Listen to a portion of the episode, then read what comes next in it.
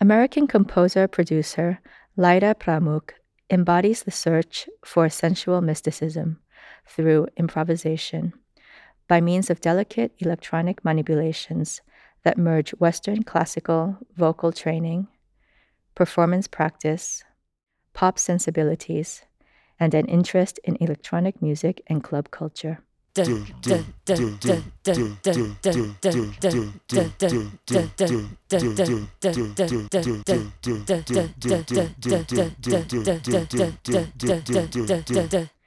The result is a fluid and ethereal sound that has often been described as futurist folk.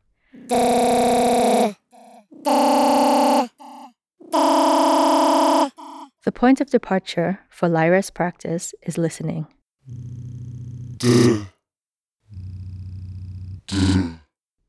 which she sees as a fundamental tool for both self realization and collective action.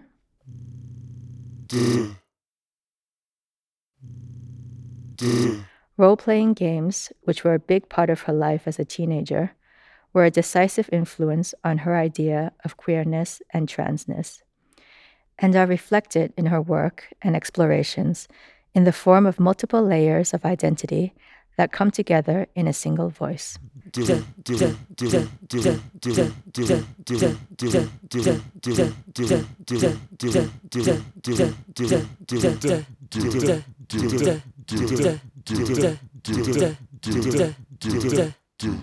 In this podcast, Lyra Pramuk talks about key moments in her childhood and adolescence which was marked by a rigorous religious and musical education, and about her subsequent journey to destruct her assigned identity, taking refuge in her love of science fiction and role playing games as basic strategies for reinventing herself.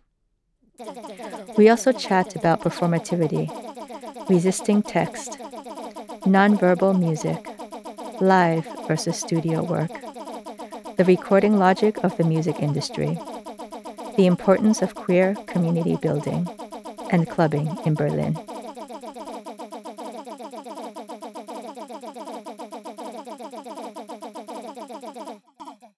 Me and uh, my two brothers, there were three of us, and we we started pretty young. I think with like four or five years old already to start singing in uh, the church choir at the Protestant church. So we would do.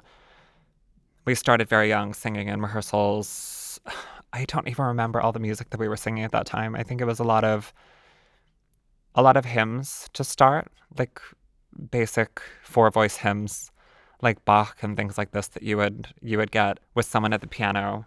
And it was a small congregation, you know, it was like 20, 25 people, mostly elderly people. On a big day, you know, like 60 people or something. Um, the the older ladies loved to just like watch children singing. Obviously, it was like so that's basically what it was. It was like we would like learn some songs, sing some songs, and you know, through all this church going, we we weren't singing at the Catholic service. It was mostly at the Protestant service, and we just we started that very young, all of us together. So it was almost like a way to kill time as well.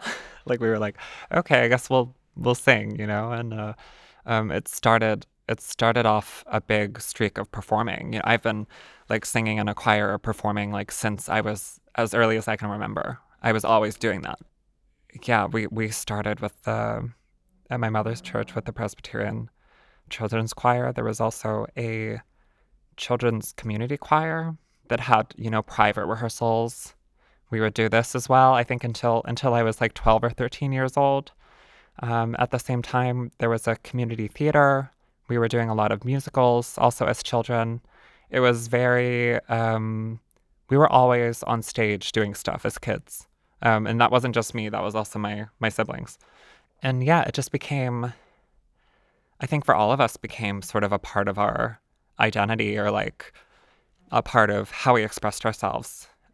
And of course, in a in a I don't know if you sang in a children's choir or did anything like this, but you know, it's like you're getting this sort of beautiful covered sort of tone and, when you're like a child soprano, you're raised as a boy. It's like almost like they want to see you as like this the most innocent, sort of like a bell Like you're just like this the perfect child, like a bell like singing Christmas songs. Almost almost as like a archetype of inspiration, like the white child. You know, this and that's I think that can be I think that it's, it's a little messed up, but like it it's that sits with you for a while. You you do this over and over and over again, and there's this. I mean, it's something you see more often in British choirs. That's like the great tradition of that, which is like beautiful young boys singing beautiful solos in a choir of boys. You know, just before puberty, it's this sort of fetishized sound. Um, we were doing a lot of that. we came all to really love and appreciate singing in a group, you know, and what that feels like. It's a different thing to sing a pop song alone in your bedroom than it is to rehearse and prepare music with 20, 25 people. And what that feels like, your bodies are literally vibrating together with each other at similar resonant frequencies. You're breathing together. It's it's ritualistic in some way and I think that sticks with you. That de- definitely has stuck with me. Like a lot of the music that I still make, I'm sort of creating my own voices and singing with other voices, and I think I'm I'm a choir kid still. You know, through that that hasn't left.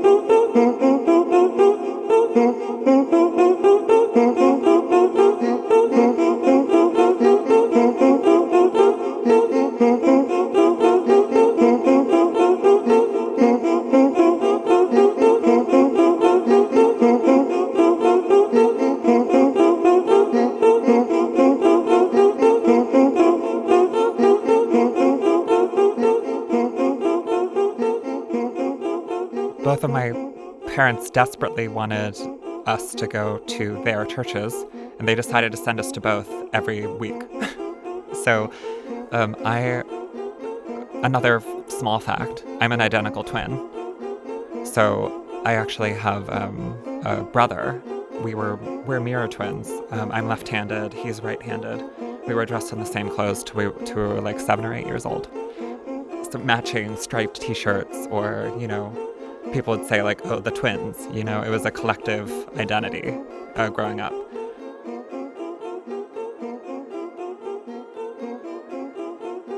I think going to the church sort of history, we were, it was the two of us, my younger brother, Jacob, who was, he was about two and a half years younger. And it would be sort of this this shuffle every Sunday, like, okay, get up, go to the go to the first church. Okay, go to the second church, the the Sunday school, the church service, the Sunday school, the church service. Like four and a half hours later, you're like, okay, so what? What was the purpose of this? like, sort of, but it became. I think we always we saw religion through this like denominational war in our household, which was like sort of like, well, no, this one's better than this one. This one's, and it was, it was a sort of microcosm of larger conversations that you see today regarding like Islam and Christianity. Like they essentially all come from the same book, but this sort of like, well, well, no, Islam is the superior to Christianity, or Christianity is superior to Judaism, or um, that was like in our house, but just within Christianity.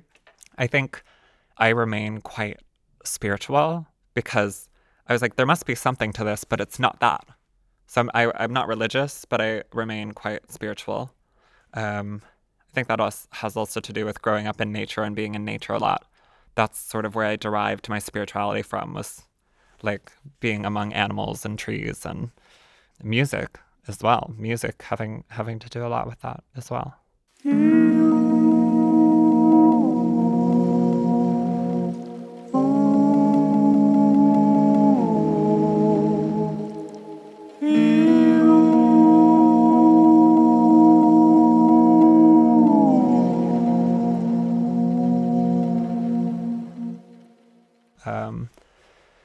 there's this really weird phenomenon in the US where in high school there's like competitive choirs. so I did this as well. Like as I got older, I went through puberty, my voice lowered, and it was like you would like audition and like prepare songs and like compete like who can do the best audition for the for like the soprano part for the bass part or um you know i was doing that a lot so it was it also became something that became like sport like like everything in america but like it became it became competitive in a way and that that's what led me into also wanting to study um, classical singing professionally um, to do like a conservatory training or something like this, where it became something personal and competitive and more somehow more tied to um, the economy in a way where it wasn't just a hobby anymore.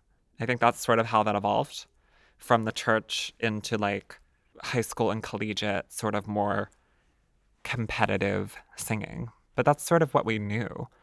And I think in the US that that happens to a lot of activities where it becomes a competitive activity. It's what capitalism does to hobbies.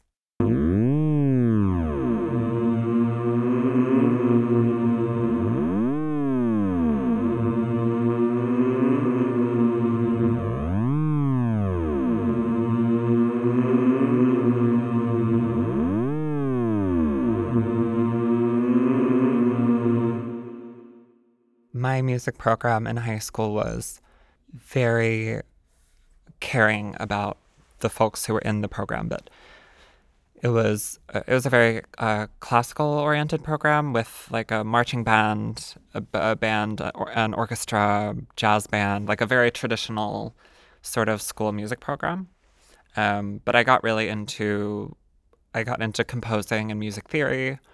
Um, when I was there, I had taken piano lessons, but then I sort of stopped taking piano lessons, but I would still play, play piano, and so I was interested in in composing and sound and singing, and I played cello and I played a bit of piano. I was interested in all of this, and that sort of manifested itself first in high school. I was like, I'll study music education, become a music teacher.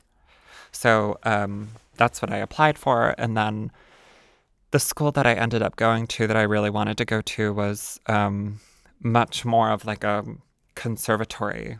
It wasn't connected to other study programs um, in a way that there are a lot of mu- music programs in the U.S. where you could you could get a liberal arts degree or a journalism degree sort of alongside a music degree. This wasn't like that. It was um, the the university I went to is called the Eastman School of Music. It was founded in the early 20s by uh, George Eastman, who was the founder of Eastman Kodak.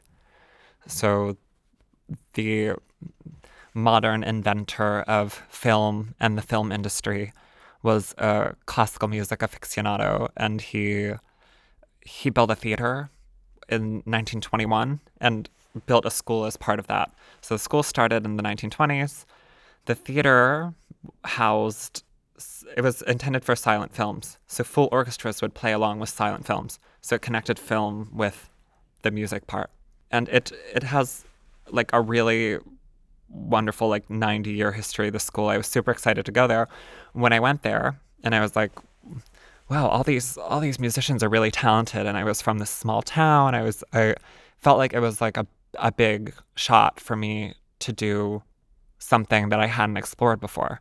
There was a a quite quite renowned um, early music program, Renaissance and Baroque music, a big jazz festival that happened every summer, like huge stagings of operas, wonderful opera program. There, there was just a lot going on, uh, very specific stuff, and all of my peers were really specialized. Most of them had been studying violin under Suzuki method since they were like five years old, or you know, and I didn't come from that background. I was I was I was I was definitely more folksy about it, you know, as I was I was I had been improvising, doing musical theater, doing um you name it, but it was it was it always felt more amateurish to me. It was like a passion rather than something that I was drilling into myself technically.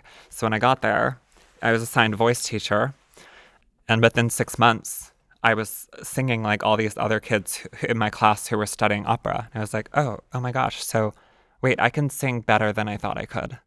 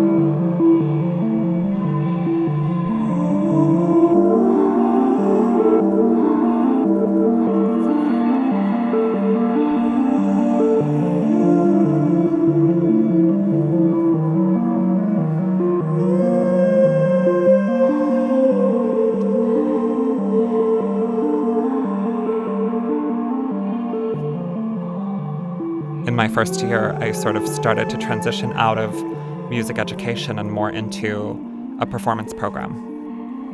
I switched majors, and then from then I was super intense with with learning the voice. I had a great connection to my voice teacher. We had a really great understanding and a great relationship.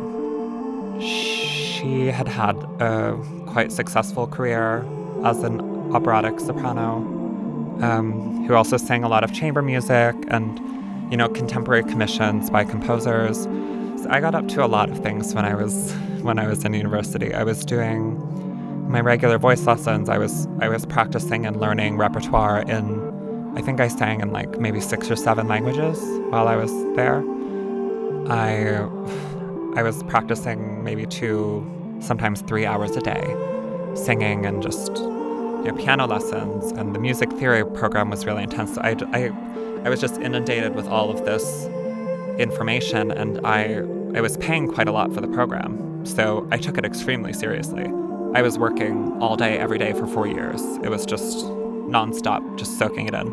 Um, I, we did a lot of music history. I did a lot of composing. I sang with the jazz ensembles. I sang Bach with classical musicians. I was involved with a student contemporary music group for three years, and eventually I was I was the president in the last year. So we were putting on concerts of um, contemporary and experimental music. Um, so we worked at the library. It was the largest music library in North America. I would just I, I, I had like 12 hour shifts a day, and I would just like reshelf books like, oh, what's this? What's this? What's, you know, I was just soaking in basically anything I could possibly understand about music. And it was a lot.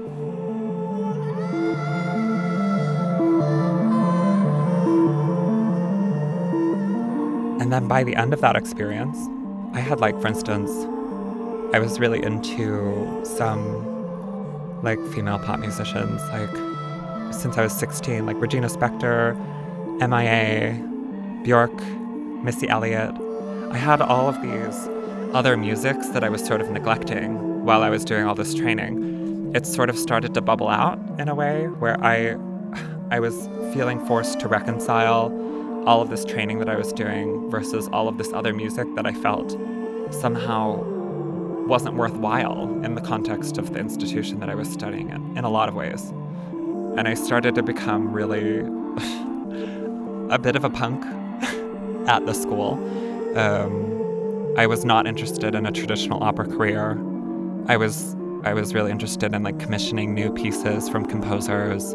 I, I started to do just on my own a lot of experimental vocal technique.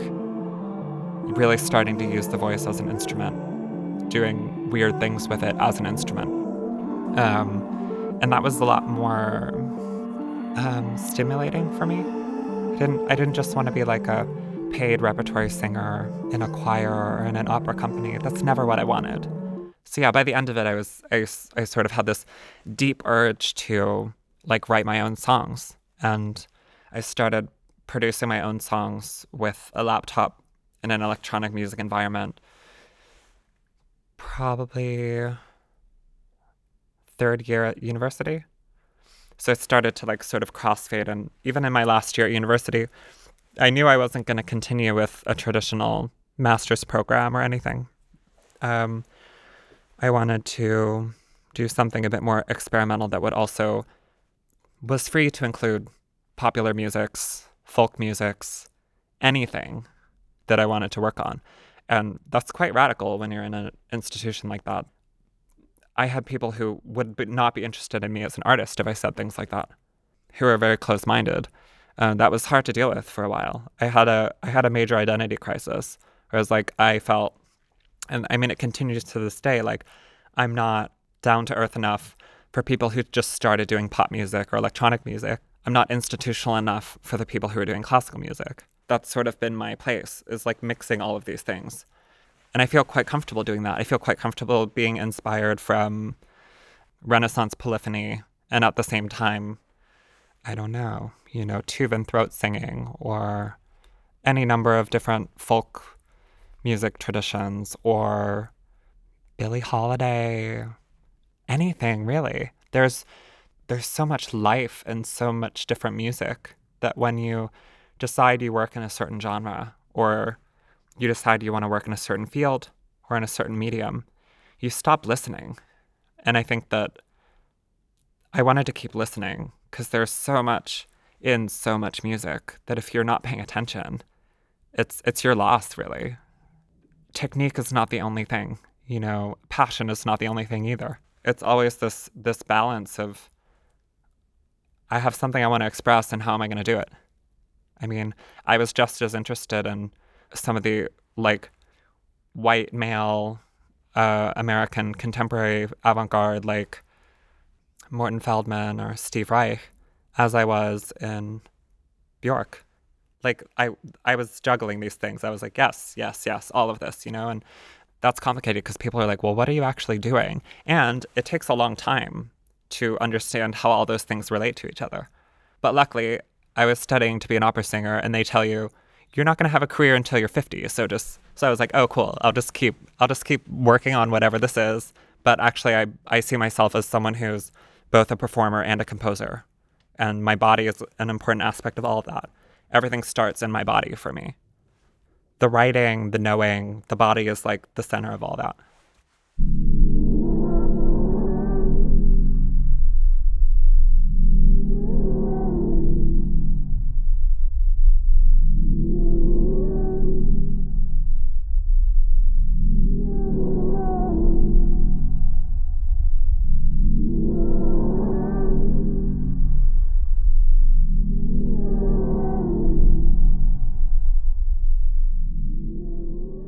Was watching a lot of sci fi TV. My brothers were too. We played a lot of video games, like a lot of different video games. I was most interested eventually in role playing games.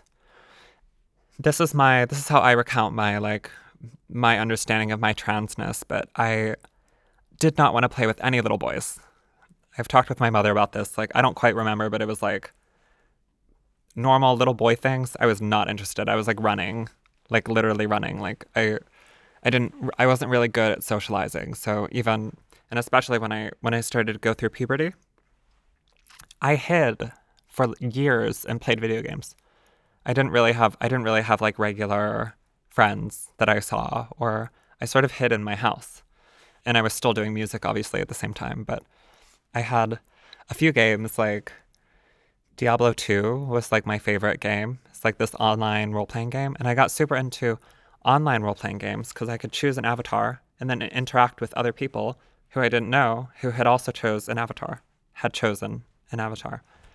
And what became really fun about that for me was not just the ability to not just the nihilistic side of it of like the ability to leave one's life or one's body or not just that drive to like dispose, but a more positivist idea, which is essentially this it's almost like a pact that if I step into this world and create a, fo- a folklore around myself, then I have to believe everyone else's folklore as well.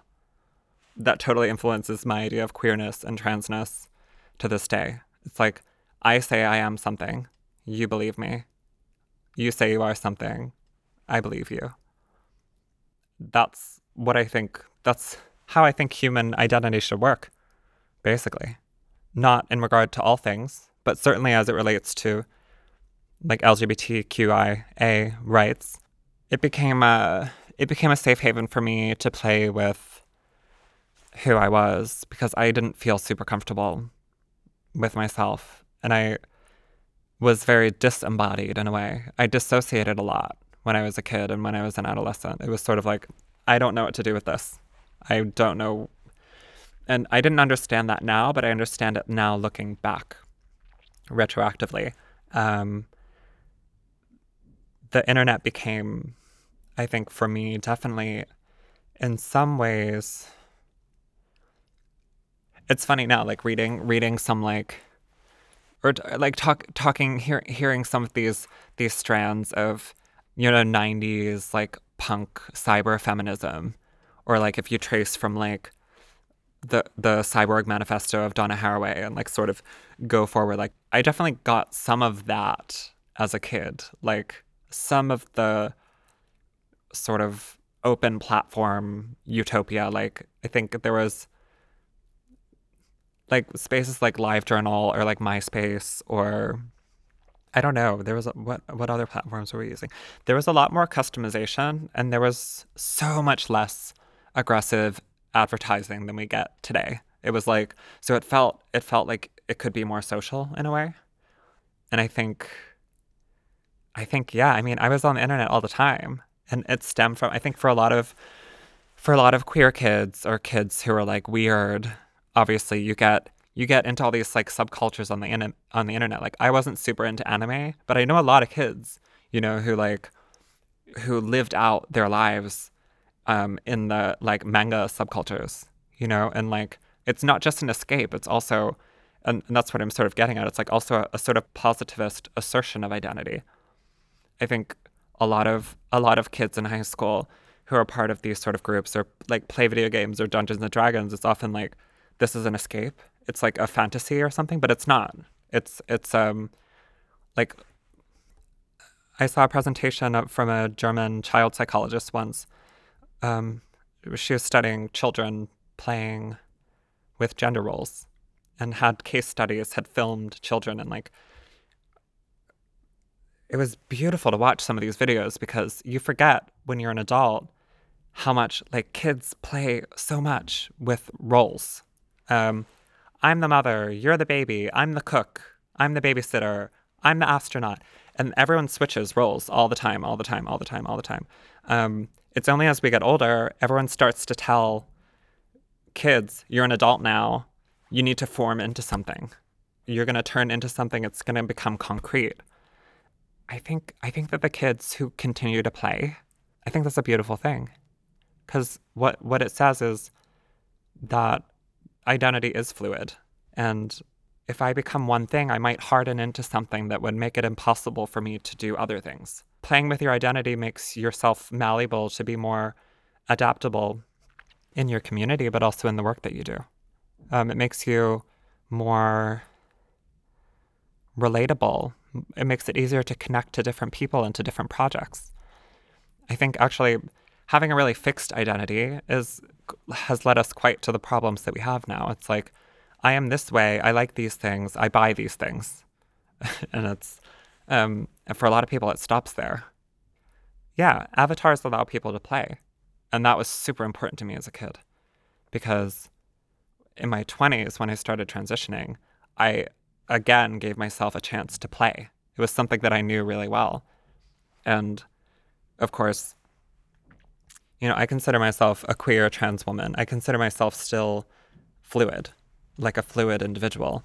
Um, I think James Baldwin says it best, and I'm paraphrasing here, but he says, you know, um, identity is best kept like a, a robe in the desert that can be easily taken on and off, because it's only then that you will be able to remember and feel the nakedness of your body. I love that we forget that we're naked and vulnerable. All of us are. So we have people in power who assert their identities and refuse to believe that they could possibly be anything else.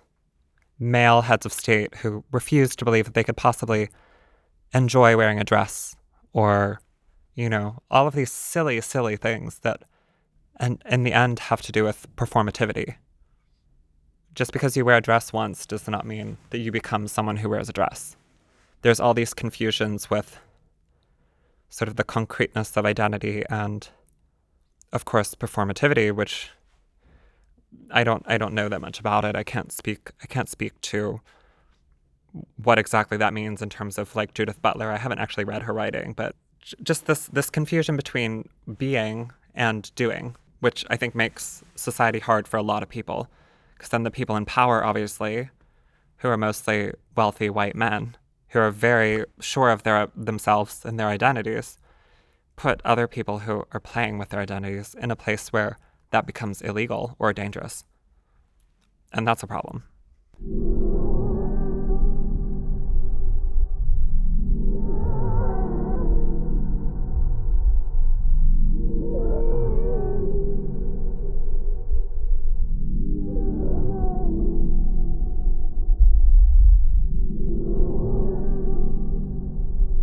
As far as um, my sort of process goes versus like live in the studio, I think the the studio is a bit easier because uh, the modern studio with like a digital audio workstation, it basically is a live looping. it is it is a looping station. If you have a mic connected, it's pretty easy to just layer stuff. So usually when I start composing, I do just start to I'll start with like a vocal sample and create a piece of synthesis that's derived from my voice. So I mean, at least right now, my creative limitation is like I make music out of clouds of my own voice, whether it's synthesis or recorded voice. And I treat it like a string quartet, like, oh, it's all strings. You know, it's all just one sound, but I want to see what I can do with that. Like, how far can I push that? And so in the studio, that's quite easy. You can just sit and record and layer things. Um, and then live, I guess, I mean, it's not a technically new idea. Of course, people have been doing live looping for 30, 40 years. Um, it's not a new concept, but I think, I think actually, like people still really are surprised and like it. Like it's not something that gets old, necessarily. It's somehow still fascinating to like have someone like lay down like a kick drum, and then it like repeats, and then like a vocal, and then they like sing a lead vocal over it, and you're like, oh my gosh, they made a band. like that's I think that's still something that for whatever reason, is is tantalizing to us. Probably because we spent like tens of thousands of years not being able to do that and like wanting to.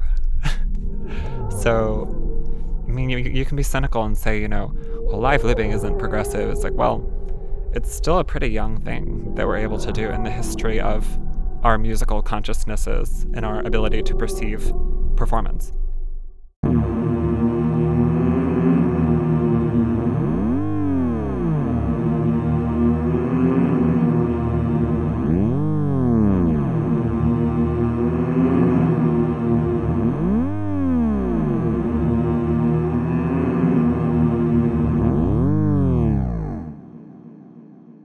I like this idea of crafting, you know, like making stuff. You know, if you're a performer or you're not, I like the idea of like putting something together. You know, like I'm making a rug, I'm making a table. You know, Morton Feldman was really into um, Oriental rug design. He was super into. He would literally study like the patterns and and would put notes together in similar patterns in time. You know, sort of I love that idea of like crafting something. Like I'm gonna pull this thread and then combine it with this thread, and it's sort of like um, treating sound as a material object. So yeah, it's like this really personal, like layering vocals like in this really personal way that it's somehow derived from my body and my voice and how I'm feeling that moment or how the audience is feeling, what the acoustics in the room are like. It's a very situational thing, and then it's like, okay, I'm gonna build this and if I use more live looping, it might really respond to the context more. So then you get this you get this feel that it's somehow like so I'm playing at the Capella tomorrow. I'm really excited to feel how the vocals move in that space. And that'll totally influence, you know, how the actual material of the sound feels compared to if I did it in a different room or and that's really fun. It's more fun than like coming with everything or more of it pre-recorded and just playing it and it makes it more interesting too. I think not just for me but also for a crowd. And I think ultimately you know, it's like starting your own music project or starting as a composer. It's obviously it's easier to do everything yourself. It's harder, but it's easier because having other musicians is quite expensive. And when you're starting out, it's often not possible to to be able to, you know, ethically support and pay everyone that you want to work with. So it's also just a utilitarian function of I need more lines, I need more voices. How do I do this? Like how am I going to do this?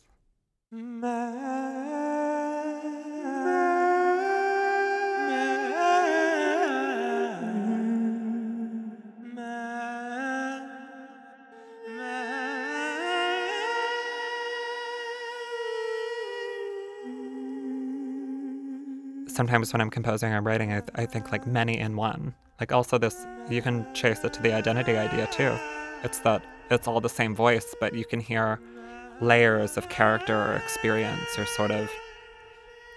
We so often think of, you think of like a singer, you think like they have a singular identity or something, but we have so many identities. And I think also when you're using a lot of voices, you can also give different voices different identities as well. That sort of confusion or complexity is more true to like my experience as a human than to be just one thing. I don't like this idea that we always have to try to get back to like a norm of who we are. It's very it's very like um seeing seeing the seeing the human as a worker that has to be like ready to perform. You know, but we're we're really messy. We're messy, dirty creatures you know? We have we have we have weird corners and soft parts and I, I like that. I think that's good and i want to i want to like show that in my music too.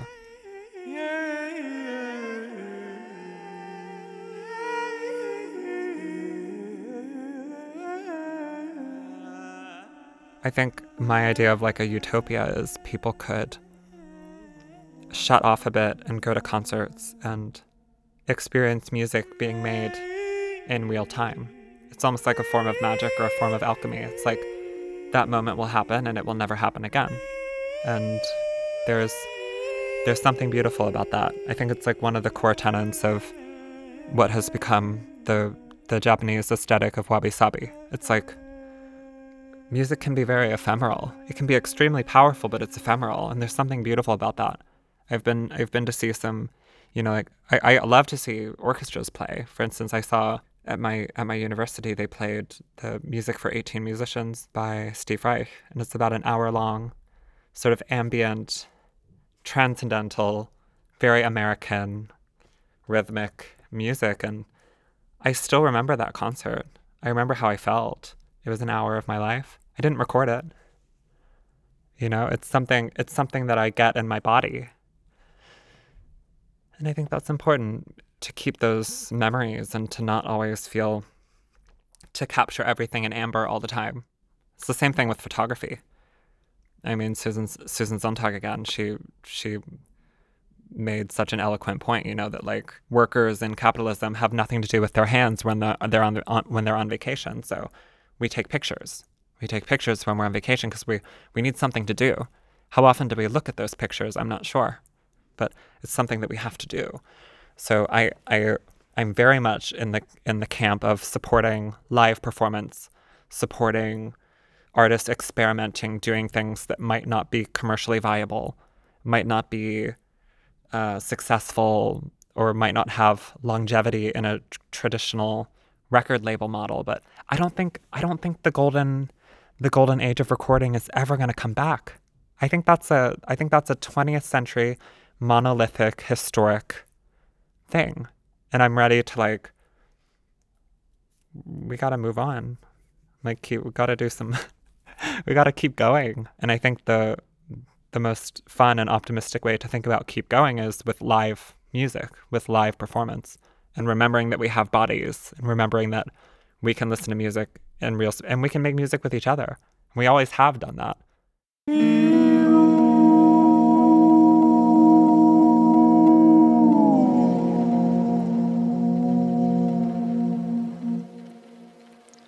I go back to this same essay, Telling is Listening by Ursula Le Guin. I strongly recommend everyone in the world read it. It's like 14 pages, sort of changed my life. Of course, these ideas you can find a lot of other places, and I think it's it's also sort of essential to a lot of studies and movements toward decolonizing modern life, which is Le Guin talks about the written page versus oral histories um, histories of telling stories. And oral history is also as this embodied person to person human communication. I won't go into that essay much, but I think, like, in searching for knowledge in the Western world, that's often become knowledge of books. And of course, books are just archives. They're books started as documents so that things would not be forgotten.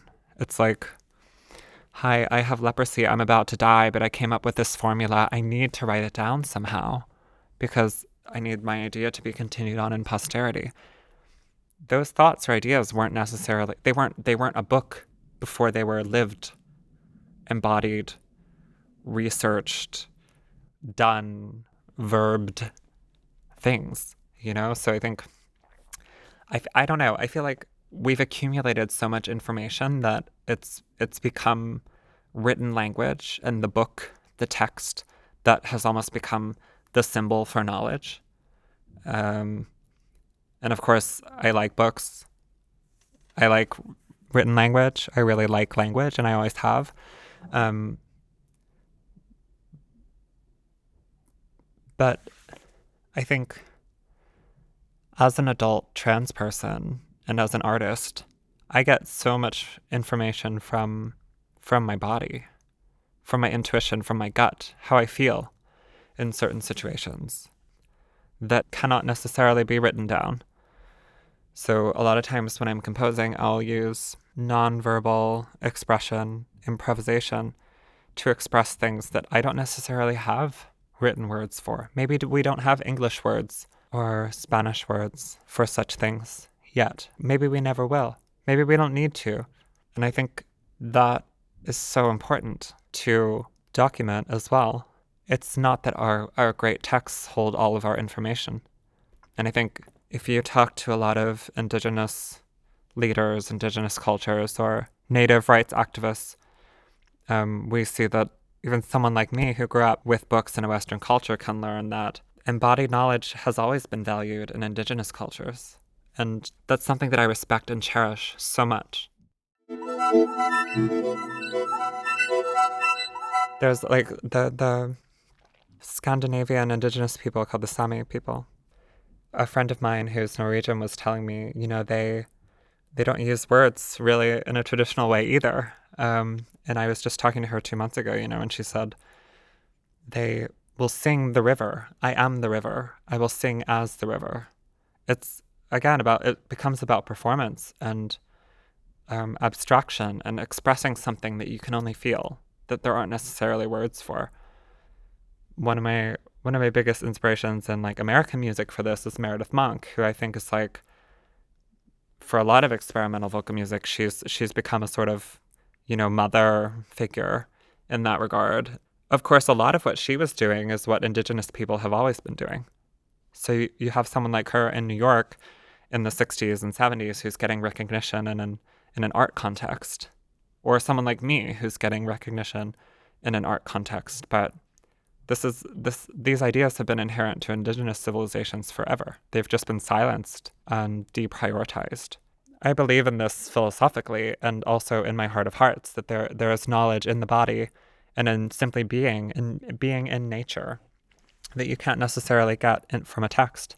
And I don't feel a deep need right now to work with words. I grew up listening to a lot of pop music that was basically propaganda f- uh, for like heteronormative capitalist buying, selling, dying, never being happy, never being good enough. You know, and like words words can be quite insidious things and even in moments when words can be quite tender and personal, they can't ever capture the real deep sensitivity of so many moments of beauty and pain in our lives as screaming can. This goes back to ancient Greece, actually. There's a fabulous essay by Anne Carson called The Gender of Sound, where she she lays out this, you know, uh, male identity in ancient Greece was to pull your emotions in through the mouth into logos, out into logic, that you would somehow use logic as a filter to turn your your raw feelings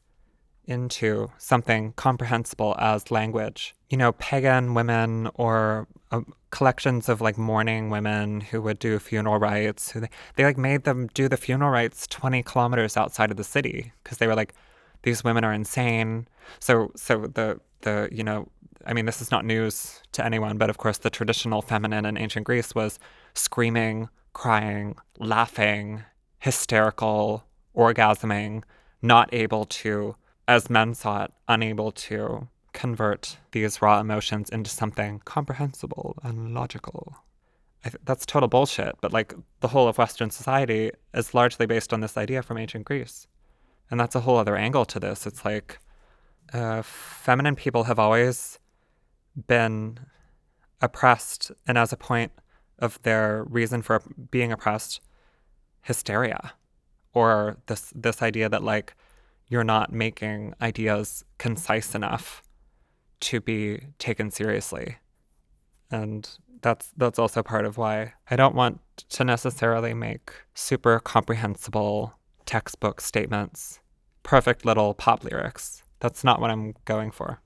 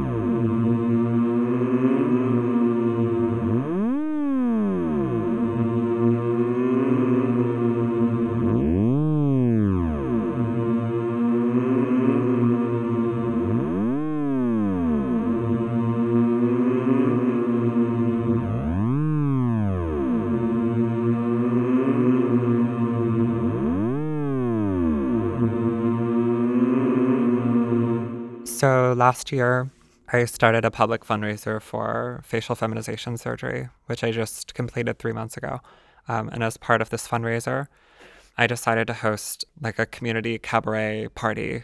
Had like 17 community members and friends volunteer their time for my party to raise money for these surgeries. And we put the whole thing on together and it was it was just a super magical night. It was like some of the most amazing, honestly, some of the most amazing performances I've ever seen in my life. Like so much energy.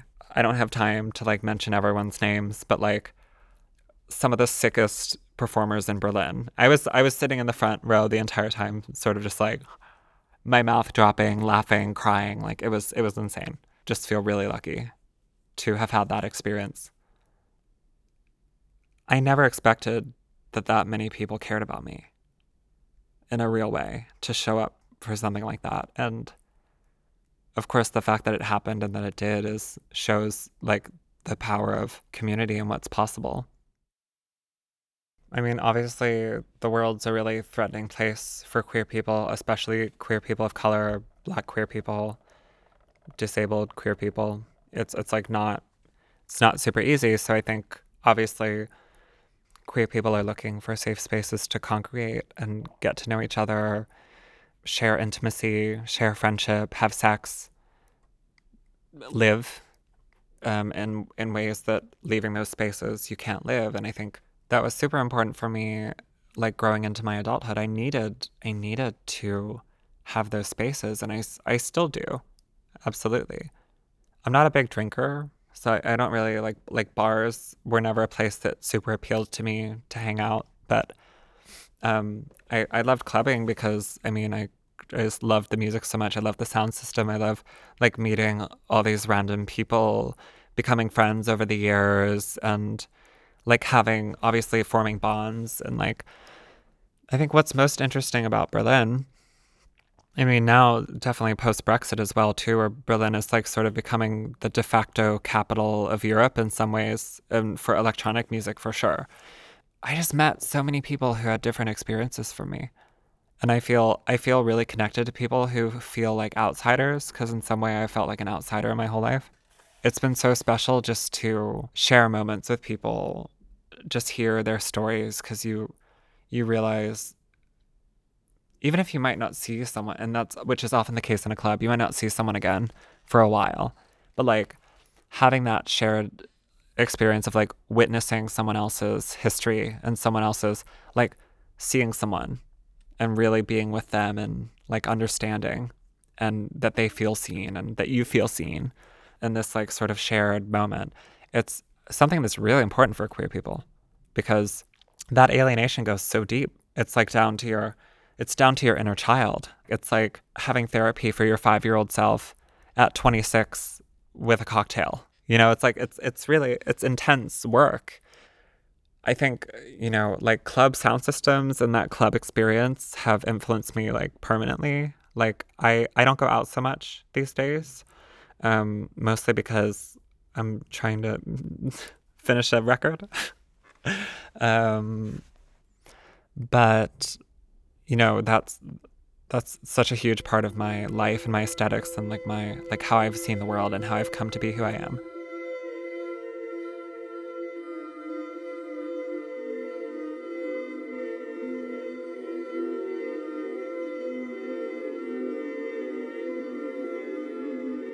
There's a struggle in queer communities, I think, and this is something that I started to struggle with as well whenever whenever I started medically transitioning, when I wanted to start to take care of my health in a different way, whenever I realized, you know, um, well, if I'm regularly going to be affecting my body with hormones, then I I felt I felt suddenly some need like I'm getting older and also I need to monitor myself a bit more. I think it's also from, you know, you go clubbing a lot, your ears are ringing all the time. You're like, you're tired. You're like, you're like, how am I going to get through the next day? At some point, it's also just like, oh, I'm, I'm getting tired. I think there's a lot of like the social media neoliberal queer identity across the internet today that's like based in those club experiences, which is really powerful. But I've I've also seen it like mutate into, and this isn't new at all. This is just the the 2019 digital version of this, but it's the queer death drive, man. It's like the the messaging outside of those safe spaces is so strongly like white marriage, white babies, heteronormativity, money, buying property. It's so intense that there's almost this desire to to just like die together really fast and um, that's something that I take issue with because I I don't want to die together really fast. I want to live together really beautifully and also like continue to continue to help make infrastructural changes that'll make things more beautiful for future generations and try to take some of that power back. When I think about what I want to do as an adult, like I would love to open a substantial educational music space with a focus on queer and POC youth, like targeting giving people space who like don't have opportunities and like you know if I can stay fo- stay focused a bit and not totally buy into the idea that the whole world is out to get me, I might just be able to help a few more people than myself. And that's that's what I'm interested in and like I think it's so hard It's so hard sometimes to be in this world as a queer person, and I don't blame anyone for any choices anyone makes. And I've been in all the same places. I just, I want to build a world together with people. I want to build a world together as a queer community. And I want to build infrastructure, and I want, I want it not to be just based on neoliberal identity politics, but I want it to be based on politics and deep thinking and infrastructure and, you know, inf- infiltrating politics and legal situations. Like i think i think we can do that. I think queer people have power to do that. It's a challenge and it takes a lot of patience but that's that's rather where i see myself in terms of community building or what i want to be a part of